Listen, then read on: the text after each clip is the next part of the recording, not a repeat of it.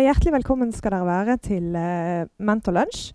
Vi ønsker jo, altså UiB Alumni, å være et nyttig karrierenettverk, kunnskapsnettverk, for studenter og tidligere studenter ved UiB.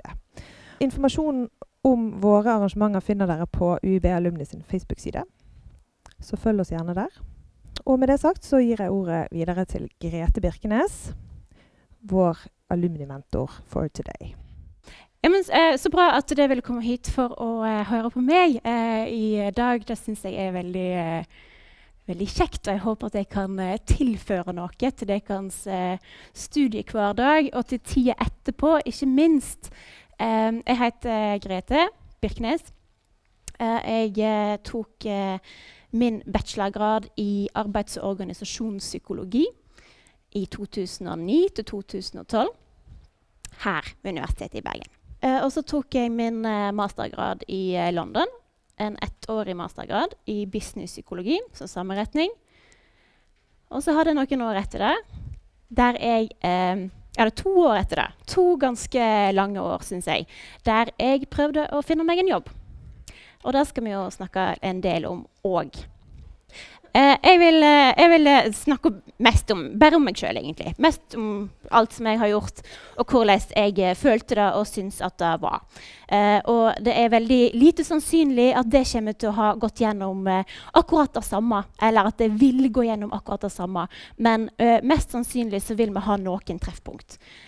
og jeg håper at jeg klarer å inspirere dere til å tenke kanskje litt mer proaktivt enn ellers, i hvert fall enn det jeg gjorde. Eh, og hvis det allerede er veldig proaktive, så kan du jo bare klappe deg på skuldra og tenke liksom at her gjorde jeg alt riktig. Eh, for nå har jeg noen tanker om hva jeg ville gjort annerledes hvis jeg skulle gjort alt dette her igjen. Uh, og Vi kan begynne med studiene her på Universitetet i Bergen. Uh, tre helt fantastiske år. Jeg elsker å ta arbeids- og organisasjonspsykologi. Men eh, når jeg ser tilbake på det nå, eh, så hadde jeg allikevel eh, gjort ting litt annerledes i forhold til min egen eh, måte å studere på. Eh, og det går på at jeg ser nå i større grad enn det jeg da gjorde, hvilke begrensninger eh, skolen har når de legger opp et studieopplegg. For når de legger opp et studieopplegg, så må de famne om absolutt alle. Og da må de lage et opplegg som er billig nok. Penger eh, har mye å si. Og de må lage et opplegg der de har plass til alle, og de må lage et opplegg der de har tid. Og disse begrensningene gjør at uh, en får En får liksom det formatet som en får, da. Men når det skal legge opp til eget studieopplegg, så har jo det muligheter til å tenke mye mer kreativt enn som så, og veldig mye mer individuelt. Og det er egentlig det aller viktigste jeg, eh, jeg har lyst til å si i forhold til akkurat det å studere. At hver Istedenfor å ta liksom bøkene som en får, og lese dem tre ganger, så tenk heller litt mer på hvordan Hvordan lærer jeg? Er du en person som eh, lærer godt ved å høre? Står jeg i, i, veien, forresten? Nei, det går fint. Lærer godt ved å høre. For I så fall så er jo forelesningene et kjempeverktøy. Men hvis ikke, så kutt de. Vær litt modig. Kutt de ut hvis ikke forelesninger er et verktøy som passer for deg. Er du en person som liker å lese, så har du kommet til riktig plass, for man vil alltid ha en base i boken. Men hvis ikke, så ta utgangspunkt i bøkene, men fyll på med andre ting, og vær kreativ. Liker du å snakke? Snakk, da. Snakk masse. Finn en annen person som liker å snakke. Les ei side hver, og snakk om den. Snakk hele dagen, hvis det er sånn du lærer. Ikke ikke ta disse bøkene og bruk dem som det eneste verktøyet. Ta deres egne verktøy på alvor. Det er faktisk veldig viktig. Eh, og noe jeg godt kunne tenke meg å ha gjort litt annerledes som sagt, hvis jeg skulle gjort dette her igjen.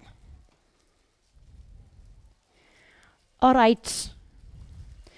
Eh, jeg vet ikke i hvor stor grad jeg føler at eh, de som lager undervisningsopphold, nei, um, undervisningsplaner og sånne ting, eh, lytter til dere som studenter. Det er sikkert litt som begge alt uh, mulig, holdt på å si, alt etter hvor en, uh, hvor en er. Men det er min uh, erfaring, eller min oppfattelse, kan jeg vel heller si, nå når jeg jobber på Universitetet i Bergen, at de blir flinkere og flinkere til å ta hensyn til dere som studenter. Um, jeg kan uh, fortelle en liten uh, fun fact som jeg nå vet fordi jeg jobber på HR-avdelingen på universitetet. Nemlig at uh, så seint som for en 12-13 år siden, jeg tror ikke jeg tar veldig feil da, så var det ikke fryktelig vanlig når en skulle tilsette vitenskapelig personale, å intervjue dem i det hele tatt. Og absolutt ikke å be dem om å ta en prøveforelesning. Da kunne en komme til UiB som er vitenskapelig og ha gjort mye god forskning under en stein, kanskje, og eh, ikke ha noen sånn særlige formidlingsegenskaper. Eh, og likevel få et professorat, f.eks. Men, men det har endra seg, og er, altså disse tingene her er i kontinuerlig endring. Eh, så sett krav til dekans eh, studieopplegg. La dekans stemme bli hørt. Fordi det skal være system på plass som, eh, som fanger det opp. Det skal hjelpe. Frie studiepoeng. Kjempekjekt. Da kan en studere hva en vil. Mitt eh, gode tips eh, var å tenke litt helhetlig hva gjelder frie eh, studiepoeng. Eh, så hvis du har en hel psykologigrad, f.eks., så ta økonomi. Eller ta juss hvis du eh, studerer litteratur eller hva som, altså hva som, helst som du tror kunne eh, komplementere din grad. Det gjør deg mer interessant på arbeidsmarkedet. Vær bevisst på hva du kan. Eh, har det hørt at det er et problem at eh, studenter i dag eh, ikke nødvendigvis er kjempebevisst på hva kvalifikasjoner en får ut av sin grad? Det har hørt det. Det har vært oppe i uh, media og forskjellige plasser. Jeg føler jeg har fått det fra litt sånn eh, eh, forskjellige plasser. Og jeg kan jo bare si for min egen del at eh, det stemte eh, så 100% Virkelig. Eh, jeg og Øystein var klassekamerater. Øystein eh, tar nå en ph.d. og driver og underviser sikkert noen i rommet her, vil jeg tro. Men uh, ja, vi, hva var det jeg skulle til å si? Vi tok, begynte da på Arborg, Eh, og det tok lang tid før vi begynte med noe som heter Arborg, fordi vi skulle ta alt det andre først. altså X-FIL og X-FAC og litt sånn grunnleggende eh, greier. men når vi først begynte med Arborg, så så var det vanskelig pga. at alt var så utstrekt over tid, å få fatt i hva er det dette her faktisk er. Og jeg hadde en setning som jeg sa til veldig mange. fordi at når folk spurte meg hva jeg drev med, så sa jeg arbeids- og organisasjonspsykologi. Og så sa de eh, hva er det for noe? Eh, og så sa jeg det er psykologi. Dette, jeg, altså dette her sa jeg i to og et halvt år i hvert fall. Det er psykologi, men, eh, men det er psykologi som er fokusert på arbeidslivet. Eh, så det du kan si at vi gjør, er at vi eh, lager snille arbeidstakere. På langt nær bra nok. Um, og dette her er viktig. altså Vær litt på hva gjelder dette her. Vær på hva gjelder hva er det du skal få ut av hvert fag. Hvorfor vil det hjelpe deg i arbeidslivet, og hvor? Hvilke muligheter har du med dette faget? Og med dette faget de vil mest sannsynlig være forskjellige. Vær bevisst eh, fra så tidlig som mulig. Fordi at det er rett og slett ikke alltid så lett å sitte og skrive de søknadene. Eh, det høres så banalt ut, men, men, du skal selge deg inn eh, blant eh, veldig veldig mange, altså kanskje hundrevis. Eh, og det er ikke alltid så lett å skrive de søknadene, så tren deg opp. Vit hva du driver med. Formuler det. i en setning som du oppdaterer kontinuerlig. Yes. Um, det var mine beste studietips. Og når jeg sier beste, igjen ting som jeg var dårlig på. Uh, men så skal vi snakke litt om fritida. For min del så uh, ble jeg med i en revy. Det var kjempekjekt. Det står for meg nå som, uh, som noe jeg husker, der jeg ikke husker nødvendigvis alt annet. Rett og slett. Så ble jeg medlem eh, og frivillig i Røde Kors. Eh, og så prioriterte jeg eh, å gå en del ut med mine venner. Gjerne mange ganger for uka. Det var en prioritet.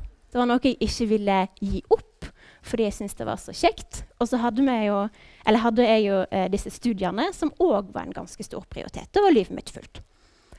Um, men når jeg kom ut i arbeidslivet Nei, altså når jeg skulle ut og søke jobb, eh, så merker jeg at eh, alle disse her som har et verv Dette vet jeg at jeg har hørt før, men alle disse her som hadde et verv, eh, som hadde fritidsakt gjort fritidsaktiviteter som eh, var på noen måte relevant ehm, ja, eh, De gikk litt foran meg i køen, da.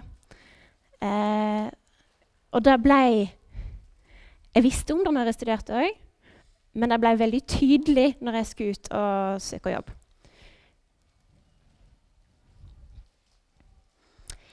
Eh, fritidsaktiviteter og verv gir læring i praksis. Eh, og det er veldig viktig at en er litt bevisst på at det en lærer når en studerer, er kunnskap. Det er ikke egenskaper. Eh, og når jeg eh, gikk og lærte meg masse psykologi, så er det kunnskap, ikke egenskaper. Jeg var ikke nødvendigvis god på å lytte eller god på å God på noe ting som helst, egentlig. Fordi jeg hadde ikke Jeg hadde ikke begynt å øve, rett og slett. Men fritidsaktiviteter og verv gir deg denne øvingen i praksis. Og det er veldig nyttig. Eh, det gir deg et nettverk som en kan eh, underspille betydningen av, tror jeg, når det formes, og når en har det. Men eh, et godt eh, nettverk, selv om du har lagt eh, brakk noen år, kan eh, få positive konsekvenser seinere. Ikke minst i form av referanser. Og det gir en god CV. Jeg jobber ikke med rekruttering hovedsakelig, men jeg jobber i en HR-avdeling, og jeg har litt erfaring med rekruttering. Eh, og det er veldig tydelig Alt dette her som dere har hørt om at det tar åtte sekunder å lese en CV eh, osv. Eh, 100% sant, kanskje ikke åtte sekunder, kanskje ti. Men altså Sånn er det. Eh, så det er ikke sånn at eh, alle deres eh, studietimer som ligger i den A-en eller i den B-en, er veldig synlige på en CV. Men hvis du har hatt eh, verv, hvis du har hatt, gjort hva som helst, altså hvis du har bare vært aktiv åtte år i en svømmeorganisasjon, hva som helst altså, Det legger punkt på CV-en. Det gjør deg til en mer helhetlig person. Og jeg vil bare oppfordre til å være litt kreativ. Altså, prøv å tenke på altså, hva som helst som kan være relevant for din del. Kan du gjøre et eller annet på nettet? Kan du skrive et eller annet? Synge, kan, du, kan du lage en podkast? Altså hva som helst. Vær kreativ. Det meste kan eh, løfte deg, da. Yes. Eh, som sagt eh, så tok jeg masteren i eh, London, eh, og jeg vil bare illustrere mitt år der. Det var en ettårig master eh, med eh, et bilde av meg på pub, et bilde av meg på biblioteket. To ting. Det var stort sett det som skjedde. Så hadde vi en graduation, en ordentlig fancy en. Og så begynte voksenlivet etter det. Og da skulle jeg ut og søke. Og det var jo en prosess som hos meg ble å, så mye lenger enn jeg hadde tenkt. Og eh, sånn er det jo kanskje for mange nå òg. Arbeidsmarkedet er litt eh, skrelt for tida, og det er mange bedrifter som har kanskje um, kutta luksuriøsiteten av det, iallfall. Eh, så vi må gå inn med, i dette her, eh, eller det må gå inn i dette her, med en tanke om at eh, den arbeidssøkingperioden kan bli, kan bli lang, rett og slett. Lenger enn en ønsker. Eh, og jeg skrev fryktelig mange søknader. Det, bare, altså, det rant ut av meg mange i uka. Jeg prøvde mange uh, forskjellige variasjoner. Um, det tok lang tid få, for meg å få seg jobb, men jeg tror jeg ble ganske god på å skrive søknader. Åkke som. Jeg tror det. Eh, dette har du òg hørt før, men jeg leser mange drittsøknader som er helt forferdelige. Når du skriver, vær spesifikk på eh, dine kvaliteter og din kompetanse, og forklar dine kvaliteter og din kompetanse. Hvorfor kan du si med relativ sikkerhet at du er en ansvars, eh, ja, ansvarsbevisst person? Gi eksempel. En gang når jeg var spesielt ansvarsbevisst, var når jeg var leder av Eller jeg var medlem i. Altså, gi eksempel. Vis. Vis hva det er du kan. Uh, jeg slang inn noe som er bare en personlig erfaring, som jeg ikke nødvendigvis har eh, hørt rundt omkring eh, mange andre plasser. Men Eller jo, det er ikke sant. Jeg har det òg. Eh, ikke sats på jobber som du er overkvalifisert til.